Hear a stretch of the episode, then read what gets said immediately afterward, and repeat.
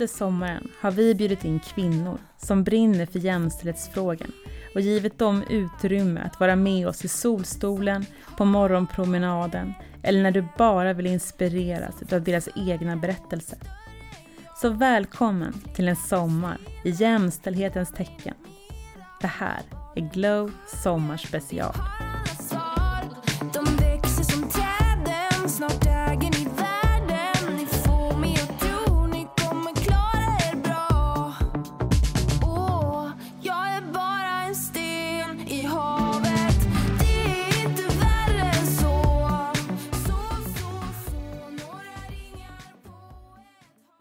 Rummet med festklädda människor sålar.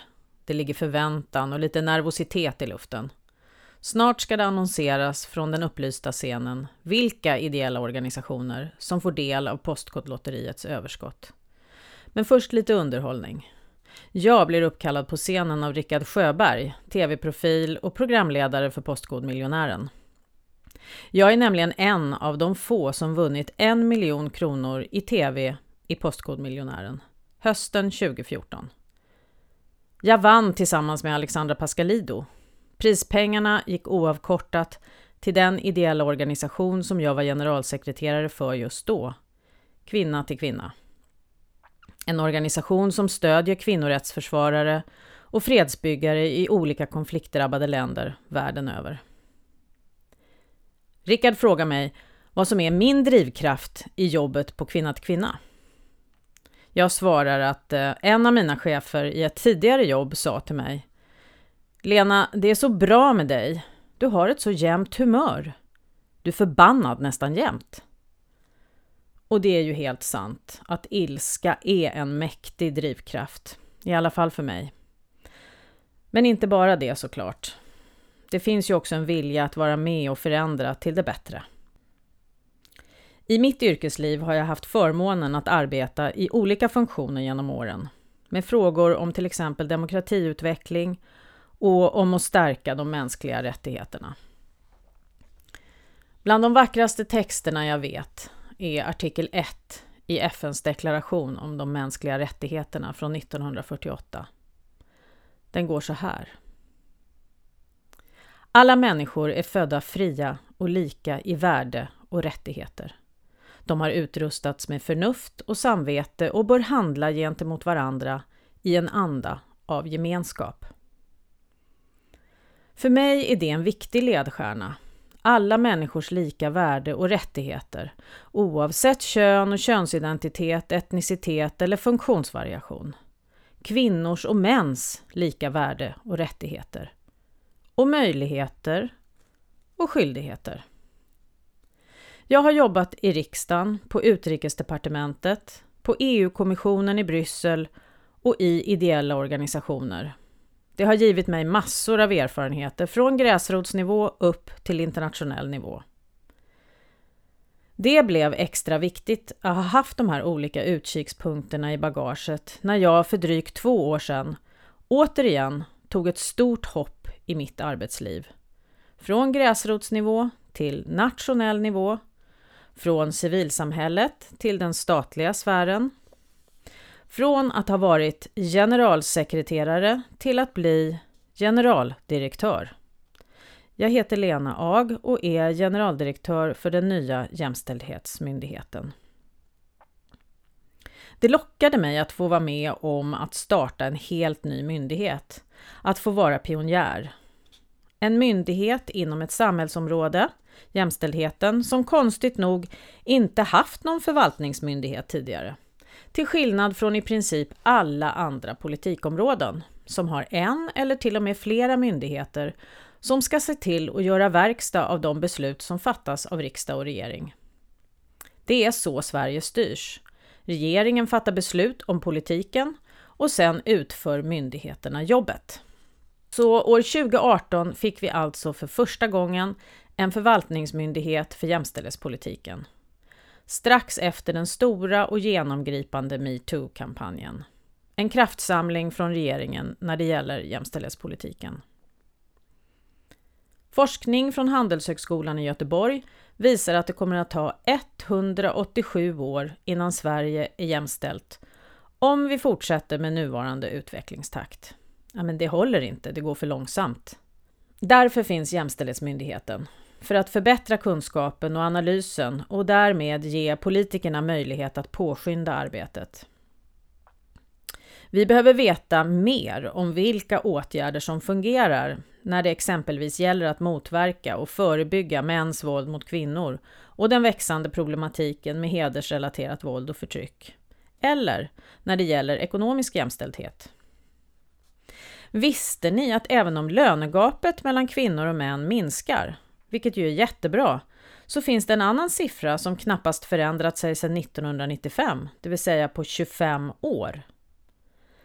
När vi tittar på det som kvinnor faktiskt får kvar i plånboken, det som kallas för individuell disponibel inkomst, så är skillnaden mellan kvinnor och män 23 procent. Till männens fördel. Jämställdhetsfrågorna genomsyrar alla olika samhällsområden och de påverkar människors liv och livskvalitet i vardagen. Fortfarande arbetar en betydligt lägre andel kvinnor heltid jämfört med män. Kvinnor tar ett större ansvar för det obetalda hem och omsorgsarbetet och det finns stora skillnader mellan kvinnor och män när det gäller hälsa. Under 2019 till exempel ökade antalet anmälda arbetssjukdomar med nära 20 procent. Och det är främst kvinnor som drabbas av sjukdom på grund av jobbet.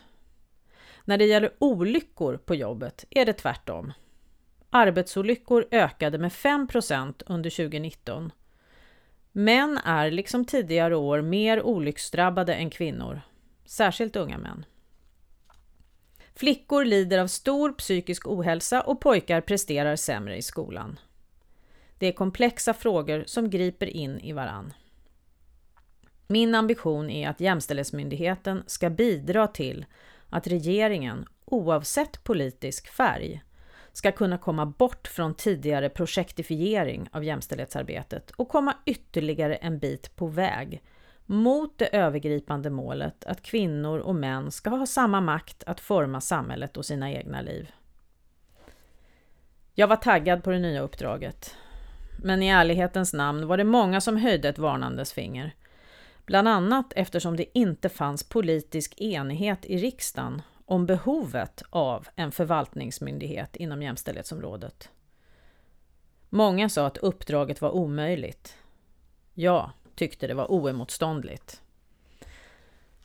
Men jag ska villigt erkänna att jag inte var förberedd på att den regeringskris som landet gick igenom 2018 skulle resultera i att Jämställdhetsmyndigheten lades ner samma år som vi startade.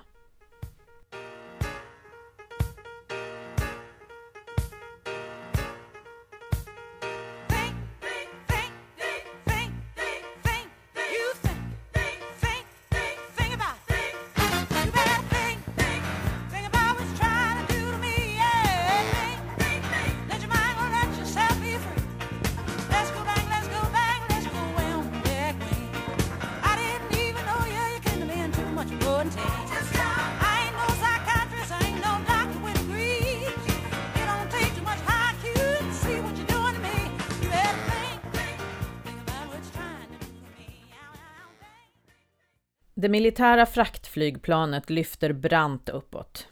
Det känns i magen. Vi är några stycken som sitter på väldigt obekväma britsar längs väggarna och klamrar oss fast i packlinor som hänger ner från flygplanets tak. Jag är på väg mot det belägrade Sarajevo. I Europa rasar kriget på Balkan efter Jugoslaviens splittring 1991. Kriget är ett resultat av politiska omvälvningar efter järnridåns fall.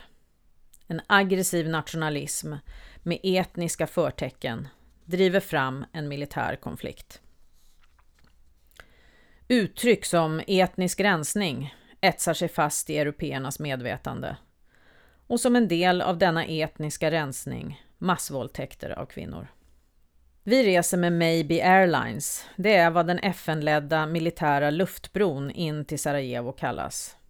Därför att det är ett vågspel att ta sig in dit. Planen beskjuts regelbundet. Hukande springer vi sedan mellan sandsäckarna på flygplatsen efter den lika branta landningen. Det gör vi för att undvika prickskyttarnas kulor och luftvärnskanonernas eld från berget Igman, där de serbiska styrkorna som omringar staden finns. Jag och min vän Mats stannar i en vecka. Under nätterna lyser vårt sovrum, liksom staden utanför våra fönster, upp av lysgranater. Så att de militära styrkorna på bergen runt omkring lättare ser målen för attackerna. Från sovrumsfönstret avtecknar sig stridsvagnskanonernas silhuetter i morgonens första solstrålar. Tryggheten i Sverige är långt borta. Vi ägnar veckan åt att prata med människor, kvinnor och män, i alla åldrar. Alla är instängda i staden, ingen kommer undan granatbeskjutningen. Folk dör, lemlästas och skadas allvarligt. Människorna är fast på samma plats, avskurna från kontakter med yttervärlden. Förutom bristen på förnödenheter är den psykologiska pressen enorm.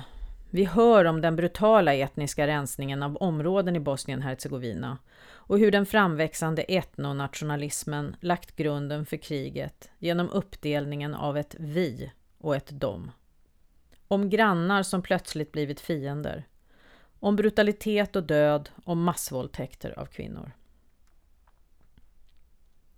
Det pågår ett folkmord mitt i Europa. Maktlösa har vi stått vid sidan av. Nu måste allt göras för att få ett stopp på kriget. Vi vill bidra genom en aktion kallad Kvinna till kvinna. Citatet är från ett upprop för att protestera mot de avskyvärda och systematiska våldtäkter som kvinnor utsattes för under krigen på Balkan. Jag var en av undertecknarna. Det är 27 år sedan idag. Uppropet fick ett enormt gensvar och det blev också startskottet för organisationen Kvinna till kvinna, som i ett kvarts sekel arbetar för att kvinnor i olika konfliktområden världen över ska få makt över sina egna liv och för ett slut på sexuellt våld i krig. Förutom att jag är en stolt mamma till en underbar dotter, vilket givetvis är nummer ett, så en av de saker jag nog är stoltast över är att jag har fått vara med och dra igång och utveckla Kvinna till kvinna och att jag mellan 2007 och 2017 var organisationens generalsekreterare. Då, 1993, var vi fyra personer som drog igång organisationen med noll kronor i budget. Idag är Kvinna till kvinna en av världens främsta kvinnorättsorganisationer med verksamhet i över 20 konfliktländer och en omsättning på närmare 200 miljoner kronor. År 2002 fick Kvinna till kvinna det alternativa Nobelpriset, The Right Livelihood Award, den enda svenska organisation som fått priset. Jag var på resande fot i tio år som generalsekreterare i Kvinna till kvinna. Jag reste runt i konfliktregioner i världen, i Mellanöstern och Nordafrika, Liberia och Demokratiska republiken Kongo, södra Kaukasus och västra Balkan. Det var ibland tvära kast mellan upplevelserna. Ena dagen träffade jag kvinnorättsaktivister som marscherade på Kairos gator under den arabiska våren. Nästa dag stod jag hemma i trädgården och plockade hallon. Hemkommen så fick jag ofta frågor av vänner och bekanta.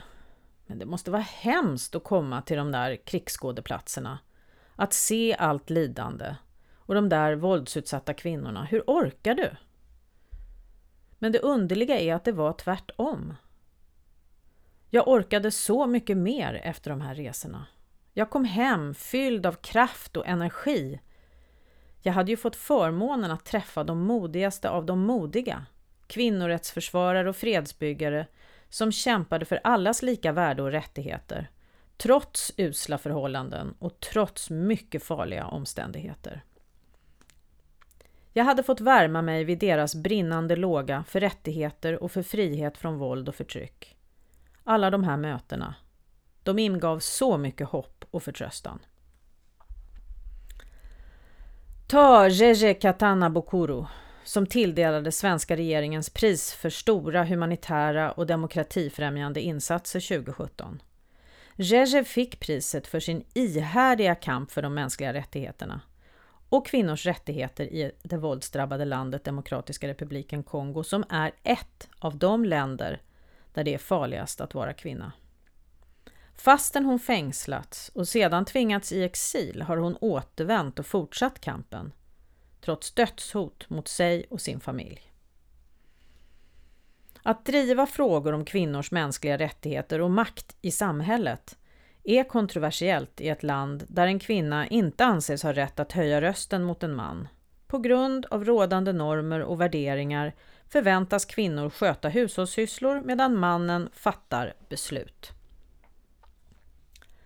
Jejes organisation, som heter SOFAD, driver så kallade dialog och fredsklubbar som håller samtal och möten runt om i östra Demokratiska republiken Kongo för att informera om kvinnors rättigheter och för att förhindra det sexuella våldet. De medlar också mellan olika etniska grupper som ligger i konflikt med varandra och försöker bryta gamla destruktiva mönster och traditioner som drabbar kvinnor och de försöker också få in fler kvinnor i politiken.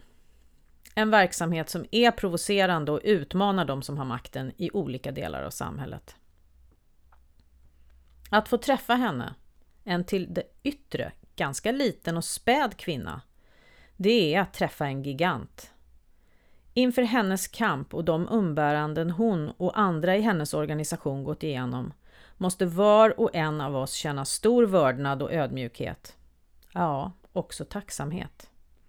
Tacksamhet över att hon och hennes medsystrar upprätthåller människovärdet i en av de mest brutala och näst intill bortglömda konflikterna som pågått i många delar av Demokratiska republiken Kongo.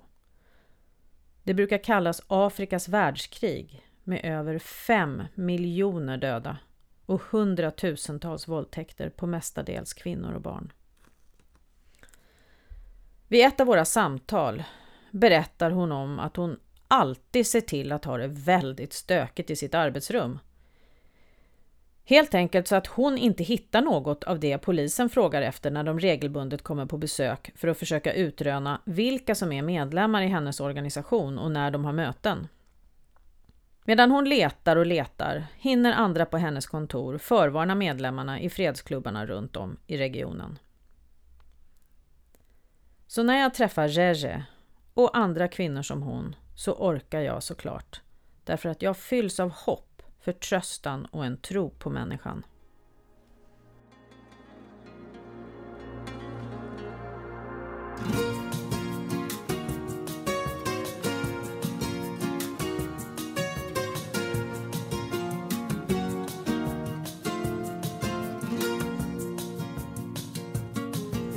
Ahia,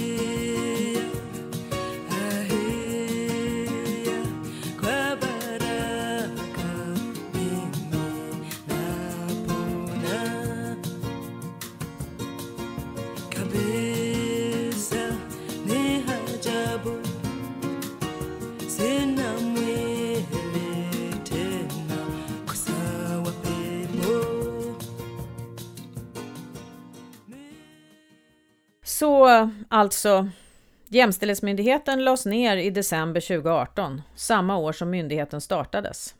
Genom att riksdagen röstade för Moderaternas och Kristdemokraternas gemensamma budget för 2019. Även om jag visste att det rådde politisk oenighet om att myndigheten skapades, hade jag aldrig i min vildaste fantasi trott att något sånt skulle kunna hända. Så knappt hade vi börjat våra uppdrag att starta upp myndigheten i januari så fick vi uppdrag att lägga ner den i december.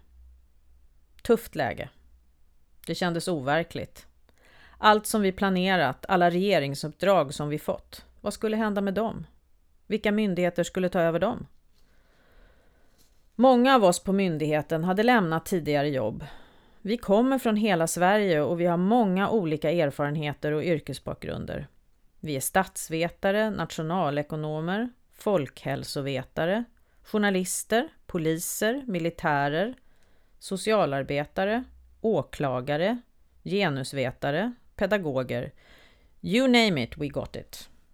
En verklig tillgång på jämställdhetskunskaper från massor av yrkesbakgrunder och forskningsfält. Skulle vi nu alla spridas för vinden? Vi som just hade träffats för att bidra till att jämställdhetsarbetet skulle bli mer långsiktigt och hållbart. Allt var oklart. Efter förhandlingar med Centerpartiet och Liberalerna kunde så en ny regering komma på plats.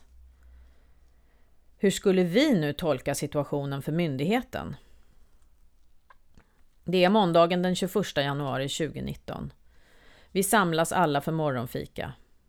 Utanför fönstren småregnar det. Är direktsändning från riksdagen eftersom statsminister Stefan Löfven ska läsa upp den nya regeringsförklaringen. Vi är alla spända. Kommer vi att återuppstå som fågel Fenix ur askan eller vad? Rykten och åter rykten. Nu ska vi få veta. Tiden går, eller står den stilla? Jag vet inte. Har en fjäril i bröstet som fladdrar lite. Så börjar statsministern tala. Vi lyssnar och vi lyssnar. Statsministern talar och talar. Minuterna går. 22 minuter och 24 sekunder in i talet säger han. Vi är en feministisk regering. Jämställdhetsmyndigheten blir kvar. Vi kan köra igång vårt arbete igen. Förra våren deltog jag i regeringens delegation vid FNs årliga kvinnokommission i New York. Där märks det tydligt hur reaktionära krafter som vill begränsa kvinnors och flickors rättigheter är på frammarsch. Det handlar framför allt om att kvinnors och flickors sexuella och reproduktiva rättigheter möter hårt motstånd och om begränsningar när det gäller rättighetsorganisationers möjlighet att verka både på nationell och global nivå. Det här hänger samman med att vi ser nya populistiska strömningar inom politiken med företrädare som Trump i USA Bolsonaro i Brasilien och flera nationalistiska och populistiska ledare i Europa. Det här påverkar oss som arbetar med jämställdhet och mot våld. Plötsligt ifrågasätts saker vi tagit för givna. Samtidigt har vi utveckling och framgångar. Vi har haft den stora metoo-debatten och parallellt med den en stark och bred rörelse för jämställdhet. Konfliktnivån i samhällsdebatten har höjts. Också i jämställdhetsfrågor har polariseringen ökat på senare år. Det är frågor som berör och påverkar människor. Det handlar ju om våra relationer med familj och med vänner. Om våra jobb, vår hälsa, vår utbildning. Kort sagt, om hela livet. Tänker vi tillbaka så kan vi se att jämställdhetspolitik alltid har debatterats och alltid har ifrågasatts. Tänk bara på rösträttsfrågan för hundra år sedan. Och det var stora debatter kring möjligheten till föräldraledighet, daghem för alla, aborträtten och reformer om särbeskattning. På senare år har grundprincipen i den nya samtyckeslagen väckt stor debatt. Den om att sex ska vara frivilligt och om det inte är frivilligt så är det olagligt. Alla de här reformerna har bidragit till den svenska välfärden och tillväxten och har varit centrala för att göra Sverige till ett av världens mest jämställda länder. Men det har inte skett automatiskt. Den feministiska rörelsen har drivit på. Riksdag och regering har infört reformer och stiftat lagar och genomfört politiken på olika sätt. Enligt den senaste statistiken från Brottsförebyggande rådet dödades 16 kvinnor förra året av män som de hade eller hade haft en relation med. Året innan dödades 22 kvinnor. Trots att vi lever i ett av världens mest jämställda länder är detta verklighet i vårt land. Det är en skam. Mäns våld mot kvinnor, prostitution och människohandel och hedersrelaterat våld och förtryck är de yttersta konsekvenserna av ett ojämställt samhälle och några av våra absolut största samhällsutmaningar. Det könsbaserade våldet och övergreppen finns överallt, i alla samhällsklasser och i alla världens länder. Det drabbar kvinnor genom livets alla faser. Mäns våld mot kvinnor orsakar stort lidande och får konsekvenser för kvinnor och barn vad gäller hälsa, möjlighet till försörjning och makt över det egna livet och ens framtidsutsikter. Det har också enorma samhälleliga konsekvenser, till exempel för folkhälsan. Mäns våld mot kvinnor i Sverige kostar samhället 43 miljarder kronor per år, enligt beräkningar från EUs jämställdhetsinstitut EIGE. Det motsvarar ungefär kostnaden för hela rättsväsendet i statsbudgeten. Det är alltså ett gigantiskt samhällsproblem. Regeringen har en tioårig nationell strategi för att förebygga och bekämpa mäns våld mot kvinnor, för att skapa långsiktighet och involvera olika aktörer. Och en bredd av samhällsaktörer är involverade. Det är tydligt för alla att det inte går att jobba i stuprör längre. Det krävs samordnade insatser. Det handlar om många olika myndigheter, om regioner och ner till verksamheter på kommunal nivå. Den här våren är inte som andra med den pågående pandemin.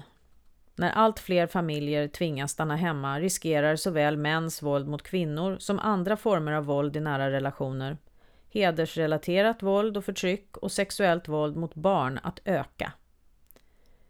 Isoleringen gör kontroll och våld möjligt inom hemmets väggar. Vi vet också av erfarenheter från kriser som till exempel ebola att familjer som tvingades hållas isolerade utsattes för mer våld och sexuellt våld under isoleringen. De ekonomiska konsekvenserna som följer i coronavirusets spår kan också bidra till att kvinnor inte kan undkomma våld i hemmet. Ekonomisk självständighet ökar möjligheten att komma ur en våldsam relation. Det finns alltså en stark koppling mellan våld och möjlighet till ekonomisk jämställdhet. Därför måste konsekvenserna för både ekonomi, hälsa och våldets omfattning analyseras ur ett jämställdhetsperspektiv efter coronapandemin. Det är just i våldsfrågorna det bränner till ordentligt. Forskning som publicerats visar hur starkt patriarkala attityder och uppfattningar om manlighet kan förklara vilka som tar till våld. Och jag måste verkligen understryka här att det verkligen inte handlar om att alla män är våldsverkare. Men icke desto mindre längtar jag efter samhällssamtalet om mansrollen i relation till bland annat våldsfrågorna. Jag längtar efter att det samtalet kan föras utan kränkningar och skygglappar. Det är antagligen naivt. I alla fall läste jag häromdagen ett utkast till ett verkligt intressant samtal mellan forskare och praktiker och jag citerar. Den svenske mannen, vem är han? Vad gör han? Vart är han på väg? Så här formulerar sig Vetenskapsrådet och Institutet för framtidsstudier som är arrangörer om innehållet. Stora delar av mänskligheten har i hundratals år väntat på en ny man Mer känslosam, mindre våldsam och roligare att vara med. Några hävdar att han sedan ett halvt sekel är under uppbyggnad i Sverige, främst via en maskulinitetsförändrande föräldraförsäkring. Medan andra menar att den jämställde svenska mannen mest är en gångbar myt i säljandet av nationalchauvinistiska bilder av svenskhet.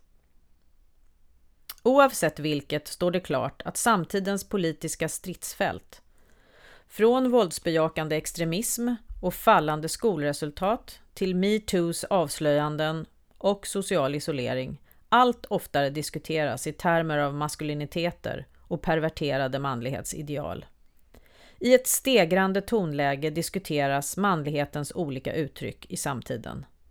Vad har hänt och varför detta intensiva intresse för män och manlighet? Frågar sig arrangörerna. Personligen, utan att på något sätt hävda att jag har någon evidens för detta, tror jag att det är en konsekvens av samhällsutvecklingen inom jämställdhetsområdet. Kvinnorollen har stötts och blötts i hundratals år. Nu är det väl ändå dags att vi tar oss an mansrollen och att männen träder in i det samtalet på allvar. Seminarien kommer troligen att gå av stapeln den 29 oktober på Nalen i Stockholm. Så låt det samtalet börja. För mig handlar jämställdhet ytterst om demokrati och frihet. Att alla ska ha rätt att få göra sina röster hörda, att få ta plats och få inflytande i samhället. Det handlar om att människor inte ska hindras ifrån att nå sin fulla potential på grund av stereotypa och gammalmodiga könsroller. Jämställdhet är ett samhällsuppdrag och det är inskrivet i vår grundlag. Det övergripande målet för den svenska jämställdhetspolitiken, det är att kvinnor och män ska ha samma makt att forma samhället och sina egna liv. Så ingen tid att ligga på latsidan här. Vi ska bara jobba vidare. Vi ska stå stadigt på tidigare pionjärers axlar. Vi ska streta i motvinden och flyga i medvinden. Tack ska ni ha som har lyssnat.